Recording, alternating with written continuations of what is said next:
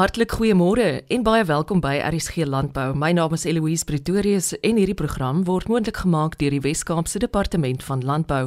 Michelle Gous is 'n PhD student aan die Universiteit Stellenbosch. Michelle was onlangs deel van 'n navorsingsspan wat vlugtige olies ten opsigte van kalfievoeding bestudeer het. Dis heerlik om die 25-jarige wetenskaplike hier in Vroue Maand op die program te verwelkom en om te gesels oor byvoermiddels. Ek is tans by die departement voedselwetenskap, maar die PhD wat ek doen omdat dit 'n multidissiplinêre studieveld is, is ek geregistreer onder die fakulteit agriwetenskappe. Waaroor gaan hierdie PhD van jou? Die PhD gaan oor ons gaan kyk na 'n spesifieke bakterie en hoe dit voorkom in Suid-Afrika, so in jou plaasomgewings, jou plaasdiere en dan jou wild ook van Suid-Afrika. Die bakterie is genaamd Clostridioides difficile of C. diff en dit word baie keer gesien in die hospitale waar mense wat onder antibiotika behandeling is, wat hulle dan siek word daarvan en in jou ouer mense is daar omtrent 'n 90% mortaliteit. So dis nogals is nogals taamlik ernstig. So basies wat ons gaan doen is ons gaan kyk wat die impak het van hierdie bakterieë in die omgewing van Suid-Afrika en in jou voedselproduserende diere en jou wild en so aan en of dit enigsins 'n uh, impak kan hê op wat ons sien in hospitale, kan 'n mens 'n korrelasie trek en en so aan. Maar ons gaan maar kyk waar in die projek ons lê. Dis mos nou maar 'n PhD. kyk waar in die projek jy mens lê. Michelle, jy was onlangs deel van iets baie interessant wat met beeste en vlugtige olies te doen gehad het. So ja, dit was 'n uh, deel van 'n meestersgraad hier by die departement van veekunde by Stellenbosch Universiteit en ons het basies gekyk na of vlugtige olies voldoende sou wees as 'n plaasvervanger vir 'n meer konvensionele monensin wat bygevoeg word of algemeen bygevoeg word by die dieete van kalfies. So monensin kan gesien word as 'n tipe antibiotika of 'n antimikrobiaal wat dan bydra tot die verbeterende gesondheid van die kalfies en dit kan ook bydra tot beter groei, maar dit word meestal gebruik in voorspeenkalwers vir parasietbeheer. So basies ons het gekyk kyk na die groei van die kalfies en die algehele gesondheid, maar waarna ons ook gekyk het en waarna ek wil klem lê, is die antibiotiese weerstand wat ons sien in die E. coli van die die kalfies, ehm um, van die mis van die kalfies. So basies ons het gekyk na 'n samestelling van verskillende vlugtige olies en dit dan by die dieet gevoeg van die van die kalfies. Die kalfies was aan een van drie kom ons sê behandelingsgroepe toegewys. So ons het 'n kontrolegroep gehad wat geen ekstra goeders bygehad het in die voer nie. Dan het ons 'n uh, vlugtige oliegroep gehad en dan 'n monensin groep om nou die verskillende dieete te vergelyk. En alhoewel ons nou nie half 'n uh, verbetering gesien het met een of die ander sien maar mense versus jou vlugtige olies nie die die groei en die gesondheidsvoordele was soortgelyk tussen die ete wat ons wel gesien het en en wat nogals belangrik is is dat daar 'n verhoogde um, wat ons noem multiweerstandbiedendheid in die E. coli gesien word en dit word geassosieer met die monensin dieet van die kalfies. So ons het spesifiek na E. coli gekyk omdat dit 'n goeie bakterie is want hy kan kom ons sê nou die weerstandsgene kan hy met ander bakterieë in die darmkanaal uitruil. So dit gee dan vir 'n mens 'n goeie idee van wat eintlik aangaan in die kalfies. So wat ons toe gesien het is dat die algemene kom ons sê nou maar die algemene antibiotika weerstand wat ons sien, het nie veel verskil tussen die dieete nie, maar wanneer ons dan 'n bietjie meer gaan indelf in die spesifieke isolate van E. coli wat weerstand getoon het, het ons dan gaan kyk na multiweerstandbiedendheid van die E. coli en daar kon ons 'n duidelike verskil sien. So die monensin wat bygevoeg word in die dieete van die kalfies het duidelik die multiweerstandbiedendheid van die E. coli verhoog. So dit beteken dan die E. coli toon dan weerstand teen 'n wye reeks van antibiotika of verskillende tipes antibiotika. So ja, dit is dis basies wat ons gevind het in hierdie studie. So dit wys dan dat daar definitief moet verdere aandag gegee word aan die gebruik van monensin in Suid-Afrika. Want monensin is al klaar in die Europese Unie en in party state van Amerika verban juis spesifiek oor die komme rondom die antibiotika weerstandbiedendheid. Um, maar dit was nog nie bevestig in Suid-Afrika dat dit wel 'n uh, kwessie hier kan wees nie. Maar met hierdie studie kan ons sê dat daar verder daarna gekyk moet word want dit kan heel moontlik bydra tot jou multiweerstandbiedende E. coli wat 'n mens dan kry in jou plaasomgewings en dan indien daar kontaminasie voorkom sien maar in 'n abattoir ensovoorts dat dit dan kan deurspoel na die mens toe. Hierdie studie lê klem daarop dat daar definitief samewerking moet wees tussen veeartse, boere en kom ons sê nou die diere voedingsbedryf om die mense na te begin uitfaseer, kyk na alternatiewe sodat indien dit wel 'n probleem verder word in Suid-Afrika dat ons alreeds 'n oplossing vir die probleem het. En ja, en dan vir verdere navorsing moontlik kan daar soos wat daar in die Europese Unie is wat hulle noem antimicrobial resistance surveillance studies of toesigsprogramme, miskien kan so iets ook dan geïmplementeer word in Suid-Afrika om spesifiek te kyk wat is die stand van sake op Suid-Afrikaanse plase en dan verder besluite neem daarvolgens. 'n Studie met dierevoeding en vlugtige olies. Dis almal baie kreatief. Wie se idee was dit? was dit was 'n kombinasie van vorige navorsing kyk wat het gewerk in ander lande en en so aan en toe op die ouende was dit te besluit om na hierdie vlugtige olies te kyk. Daar is wel ook ander byvoermiddels wat moontlik 'n impak sal kan hê wat ook 'n vervanger kan wees vir mense, maar vir hierdie spesifieke studie het ons net gekyk na die vlugtige olies. Die punt van enige navorsing is natuurlik om mens en dier en die omgewing te bevorder. Ek hoop van harte dat daar binnekort 'n dag sal aanbreek waar julle bevindinge prakties gesproke ook in die gebruik kan wees by boere en op plase. Waar dink jy trek julle daarmee? Ons het baie klem daarop gelê om hierdie navorsing uit te kry in die in die industrie. Ek het 'n uh, skrywerskompetisie aan deelgeneem waar 'n uh, artikel gepubliseer was in 'n welbekende tydskrif vir spesifiek mense in die veevoerbedryf en hopelik met dit en dan met 'n uh, boere daar ensovoorts kan ons 'n bietjie meer klem lê op op wat in die navorsing aangaan en dan hopelik dit dan in die industrie infaseer en dan dit, laat dit so deurspoel tot op die plase. Michelle veronderstel ek wil nou nie wag tot 'n boeredag nie en ek wil vreeslik graag met jou kontak maak. Hoe doen ek dit? Meer as welkom om vir my 'n e e-pos te stuur. Um ek gaan sommer nou die die e-pos deurgee. Dit is mchgous@outlook.com. So ek gaan dit spel M C H G O U W S @outlook.com. Meer as welkom vir my e-pos te stuur en dan indien ek nie kan help nie, kan ek dan vir die persoon wat my dan wil kontak in kontak sit met iemand wat wel sal kan help. Michelle Gous is 'n PhD student aan die Universiteit Stellenbosch. Vandag is die laaste dag om in te skryf vir vanjaar se Sauvignon Blanc Top 10 kompetisie. RJ Botha is voorsitter van Sauvignon Blanc Suid-Afrika en sluit volgende by ons aan. So so so baie blank Suid-Afrika doen dit jaarliks um, om die beste 10 van my blanke um tentoon te stel en en aan te wys. En dit is regtig waar 'n uh, dit is 'n dit is 'n manier om om die wêreld en Suid-Afrika um ons vir weer blanke te bemark. En dit is dit is eintlik wonderlik om te kyk oor die afgelope jare hoe divers die wenners ook is. En dit wys regtig waar hoe divers vir weer blank en deel van ons uh, deel van ons wonderlike diverse um um land is en hoe ons hierdie verskillende style maak. So ja, die top 10 is daar om so weer blank te bemark en vir ons vir ons mense te sê watter wyne is hierdie jaar die beste. Sauvignon Blanc het homself nou weer vanjaar bewys as ons grootste uitvoervariëteit, maar binnelands is hy ook die een wat die meeste gekoop word. Waar aanskryf mense dit toe, RJ?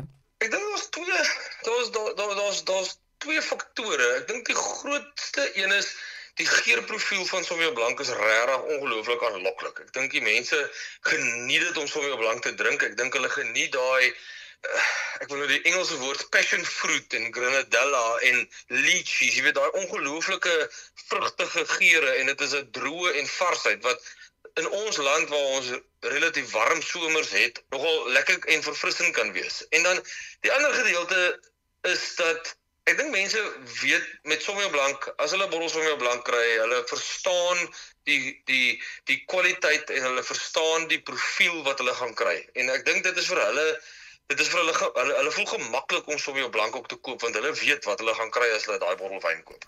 Hoe lyk die 2023 Sauvignon Blanc?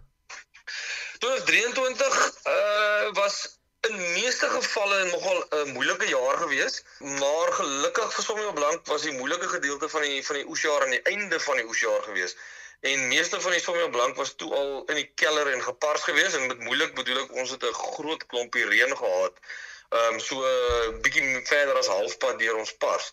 En dit is natuurlik nou nie wat ons wil hê nie, maar Sauvignon Blanc was voor dit in, dit is 'n vroeë kultivar en die wyne lyk regtig asemrowend. Die vol vol geur ehm um, en en en regtig waar ongelooflike mooi palette. So dit jy kan uitsien na 'n uh, baie goeie oesjaar vir 2023. Er jy praat met my oor die top 10 kompetisie. Waar kan produsente gaan aanklop om hulle Sauvignon Blanc in te skryf? Um aanlyn op uh sauvignonblanc.com Ehm um, kan hulle die hulle kan aanlyn inskryf ons ehm um, en en en al hulle details invul en ja, dit is so maklik soos dit om www.somioblank.com en uh, gaan net na die top 10 ehm um, FNB top 10 tab toe. Is al pryse of is dit net vir spogregte? Ja, hier is vir spogregte. nee, so die, die hoe so as jy in die top 10 is, ehm um, dit is regtig waar 'n groot eer om deel te wees van die top 10. En natuurlik is ons ons ons promoveer dit en jy kry 'n waarde daaruit en stimuleer definitief baie verkope. En dit is tog eintlik waaroor dit op die einde van die dag vir ons gaan is om wyn te verkoop. Ehm um, dit is 'n besigheid. So uh die top 10 help regtig waar om verkope te stimuleer van jou wyn. RJ Botha is voorsitter van Sauvignon Blanc Suid-Afrika. Ari van Ravenswaai is assistent direkteur innovasie, tegnologie ontwerp en oordrag by die departement van Landbou Wes-Kaap. Hy gesels graag oor praktiese gebruike van kunsmatige intelligensie vir boere en die inspann daarvan in klimaatbeheer. Ek het al gaste gehad op RSG Landbou wat vir my gesê het iets soos ChatGPT het die vermoë om aan jou te verduidelik hoe om plaasimplemente self reg te maak. Wat dink jy daarvan? Dis verseker moontlik. ChatGPT leer van stelsels waar mense alreeds die inligting beskikbaar gemaak het. Wat ChatGPT baie goed doen is om inligting bymekaar te sit en nie stuk vir stuk net te gaan sê wat van een persoon afkom nie, maar die inhoud van verskeie bronne te verstaan en een gesprek rondom verskeie bronne. Soos wat ons dink, ons leer van een punt by 'n persoon by punt A op geleentheid B by persoon B leer ons van 'n ander punt van iets anders. Nou ons het die vermoë om inligting bymekaar te sit en dit oor te dra as een stuk opsomming en dit is wat ChatGPT uniek maak is. Hy verstaan die verskillende bronne en kan dit bymekaar sit as een stuk vir jou. Dis ongelooflik waar dit nie gewoonlik jy kan Google byvoorbeeld hoe om 'n trekker reg te maak en jy gaan 'n video kry van een persoon se perspektief. Maar wat van verskeie perspektiewe en tegnieke wat eintlik regtig werk. Dit is waar die kunsmatige intelligensie ons verbyvat. Kyk, baie van die ontwikkelende kunsmatige intelligensie toepassings is vir mense 'n bedreiging. Daar gaan ons nou nie kan verbykom nie. Ons ek dink spesifiek ook aan die staking in Hollywood op die oomblik. En die skrywers en die akteurs daar het 'n paar geldige punte beter sê my vra. As jy dink aan baie van die stromingsdienste, hulle is eerstens stromingsdienste. Hulle is eers dit en dan is hulle gestel op inhoud. Dis nie ander kant om nie. Uiteraard het iets soos ChatGPT die moontlikheid om as 'n bedreiging waargeneem te word. In terme van landbou, voel dit tog vir my ons moet dit omarm sover as wat ons kan. As ons kyk na die stromingsdienste, hulle het 'n gevaarpunt vir hulle want die kyker wil kos hulle dit baie logies voor. Ons wil geëntertain word, soos ons sê. So waarna ons kyk, ons wil net voel dit dit het 'n waarde vir ons om na te kyk. So wat as die stromingsdienste 'n rekenaar eendag oplei om al die films en series wat hulle al oor jare versamel het te leer van en sy en al wat jy moet gee vir hom is uh, 'n nuwe skrywe en hy maak sy eie storie van dit op. Dit is 'n gevaar vir hulle bedryf en vir die skrywers, ja, definitief. So uh, ons kan goeders op die rekenaars ontwikkel en en beeld skep wat nog nooit bestaan het nie. Maar ons het nie daai tipe gevaar vir landbou nie. Ons het 'n 'n behoefte in landbou om meer te produseer, maar deur minder te gebruik. Ons wil minder kunsmis neersit. Ons wil minder uh, waterhoofde gebruik miskien om te kan by 'n punt kom van groei, maar ons wil meer uitsette hê. Ons wil meer winsgewend wees. Ons wil meer monde kan voer. En wie nie meer as kunsmatige intelligensie om vir ons te help in die regte rigting. Die die verhouding tussen plante, diere en mense bymekaar te sit, laat die kunsmatige intelligensie vir ons kan sê wat het gewerk en wat nie. Hy leer baie vinniger, baie meer effektief as ons. En hy sien dalk 'n tendens wat ons hier raak sien nie. En dit is die waarde daarvan in landbou. En waar elke ander bedryf, ek sê dit gereeld, as jy kyk na die mediese bedryf en al die ander bedrywe, almal gebruik tegnologie.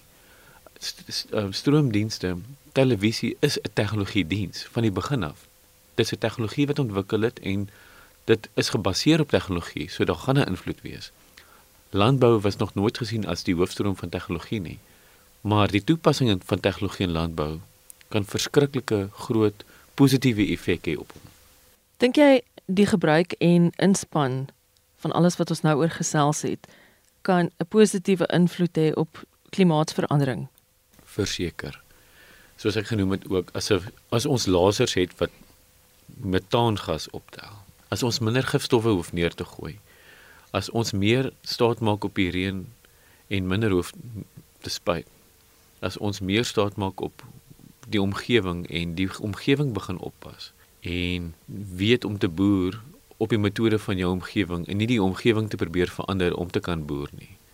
Dan gaan ons definitief klimaatsverandering kan begin dent en dat ons nie daai dat ons weer terugwysig na waar ons moet wees. Dit gaan baie lank vat. Dit is nie te sê ons gaan dit stop nie. Ons gaan dalk net 'n bietjie van 'n stadiger beweging sien in die begin in die klimaatsverandering, maar ons kan definitief werk daarteenoor en meer in harmonie met die omgewing werk. Maar ons moet meer rekenaars dalk gebruik om daai punt te behaal want op ons eie kennis kom ons nie by daai punt by nie. Ek gaan baie beter weet as ek is daar eweveel vroulike as manlike landboutegnoloë en in Suid-Afrika en die lande wat jy besoek het? Ek het al met verskeie tegnoloë ontmoet en baie van hulle is mans, van selfsprekend. Ouer mans het ek al ontmoet, maar daar's baie vrouens in die bedryf. Baie van die vrouens kom in landbou en vind die tegnologie redelik aanloklik want dit is 'n omgewing wat hulle baie goed verstaan ook want tegnologie is 'n ding wat ons kan baie maklik toepas in as 'n akademikus maar ook met 'n tegnikus agtergrond.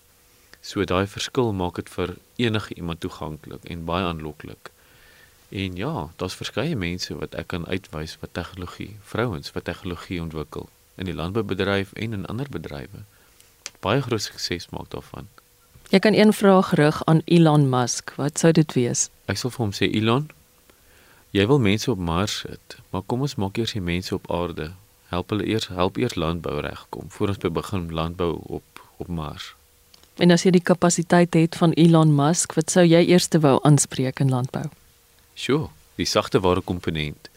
Ek sal dat die harde ware en sagte ware effektief werk vir landbou. Ek sal sy kapasiteit gebruik om te help dat ons landbou tegnologie ontwikkel, sagte ware wat alle boere help hulle eie plaas eerstens op persoonlike vlak te manage en dan met AI verskillende sensors in implementering om dit verder te vat.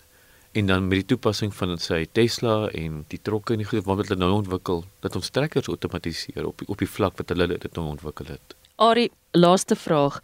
In terme van plaaslike innovasies, Suid-Afrikaanse innovasies op plase, wat is vir jou die lekkerste en interessantste om te observeer op hierdie stadium? Kyk, innovasie is nie te sê 'n boer is 'n programmeerder op dieselfde tyd nie. Innovasie gaan oor hoe innoverend hulle dink rondom wat hulle het om hulle. En ek sien gereeld innovasies rondom die plase wat net wys die boer wat wat hy het in sy omgewing en hy maak dit vir hom werk. Ons is mees een van die mees innoverende mense in die wêreld. Ek kan vir my net maar wat sê. Ons boere is bitter innoverend. Daar's byvoorbeeld boere wat ons weet wat sommer ou selfone gebruik om te monitor en te kyk wat op die plaas aangaan in die veld om hulle eie sensors in die veld te gaan sit en te programmeer dat dit werk vir hulle en pompe af te sit, watervlakke te monitor, nie implemente en goeder te gaan koop van buite nie, maar hulle eie te ontwikkel. Ari van Ravenswaai is assistent-direkteur innovasie, tegnologie ontwerp en oordrag by die Departement van Landbou Wes-Kaap. In aansluiting hierby gesels Dr Albert Streever oor die omarming van beskikbare tegnologie asook oor leierskap in landbou. Dr Streever is dosent en navorser by die fakulteit Landbouwetenskappe aan die Universiteit Stellenbosch. Jy is 'n man wat optimisties is oor landbou en Suid-Afrika. Dit weet ek van jou. Waarom? My optimisme is en ek het baie nou geleer oor leierskap in die kursus wat ek ook doen nagraads en dit gaan daaroor ons het geleer dat leiers word nie gebore as daar nie adversity en probleme is nie. As daar nie druk is op jou nie, as daar nie krisisse is nie, hoekom het ons leiers nodig? Hoekom het ons mense nodig wat uitstyg en probleme oplos as daar nie probleme is nie? En ek dink dit is waar ons ek wil nie ons probleme net besing nie, maar ek dink die die reeks van probleme wat ons al moes uh, in in Suid-Afrika na na kyk in landbou, maar ook in die in die in die weier omgewing maak van ons uh, resilient. En ek dink uh, nou moet jy my help met die mooi Afrikaanse woord daar, maar uh, uh, ons is veerkragtig. Ons is veerkragtig. Ja, ons ons is ons kan reageer en ek dink dit dit dit lei ook tot leierskap en ehm um, ek dink positiwiteit en optimisme wat as dit daar is en as dit gebore is in, in die vuur gedoop is, ehm um, is dit 'n tipe van leierskap en optimisme wat jy nie elders gaan kry nie. So ja, ek dink uit ons uit ons moeilike omstandighede ook uit die uitdagings wat tegnologie vir ons stel die uitdagings wat die gebrek aan sekere tegnologieë en vaardighede en kennis vir ons stel. Eh, daar's mos net as daar gebrek is aan iets en as daar probleme is, is daar mos net een rigting om te gaan en dis om oplossings te soek en en op die ouene te gaan kyk na na die ehm um, uh na die in, interne kapasiteit wat ons het en ons het baie baie talent in Suid-Afrika. Ongelooflik. Ek sien dit nou weer. Ek gee nou op die oomblik vir 4dejaars, 3dejaars en 2dejaars klas en ek het gedink ons 2dejaars gaan nie kers opsteek as dit kom by entrepreneurskap en nuwe denke nie en ek wil sê hulle troef selfs van my 4de jaar klasse. Ek is baie optimisties oor die jeug. Ehm um, en hulle is deel van ons toekoms en op die einde moet ons gaan kyk na wat se vaardighede ons hulle mee kan help. Uh en ook watter probleme en issues ons vir hulle kan oplos sodat hulle vry kan dink nuwe oplossings kan kry vir ons huidige probleme. En ek dink ja, ek wil nie sê ons mense met ondervinding en met al die uh intrinsieke kennis wat oor jare uh, al ge, um, gebou is is is irrelevant nie. Dink daar's 'n groot pad vir mentorskap vir hierdie jong generasie, maar ek is positief. Dit wat ek sien in in die universiteit en selfs in die skole nou maak my positief oor ons land. Ja, die afsluiting miskien van gedagtes is dat uh ek dink mense moet leer om tegnologie vir hulle te maak werk. Ehm um, dis 'n instrument dis as ons nou wil sê 'n tool of 'n gereedskapstuk wat ons kan gebruik, maar ons moet dit ook maak werk vir ons en in ons konteks. En ek dink dit is 'n dis 'n vaardigheid uit en 'n uh iets wat dis 'n dis eintlik 'n kultuur en 'n en 'n en 'n gedagte rigting wat ons moet mee gemaklik raak. Tegnologie gaan nie weggaan nie. Ehm um, die probleme wat tegnologie wil oplos gaan ook nie weggaan nie. Ehm um, so ek dink ons kan dit net omarm en dan ook sê die mense 'n geweldige belangrike plek om te speel binne in die tegnologie raamwerk. Ehm um, en en dit is uh dis dis my opinie. So as die mens gaan uithaal uit daai uit daai hele tegnologie raamwerk gaan dit 'n baie koue en 'n baie miskien ook 'n gevaarlike situasie wees. So ons moet gaan kyk na die verantwoordelike omgang daarmee. Dis ons verantwoordelikheid want ek dink anders as die nuwe generasie en hier wil ek sê ons het al en ons voorouers het al baie gesien wat tegnologie ook negatief kan doen en mens moet leer uit daai lesse. Ja, die skoolgeld is klaar betaal.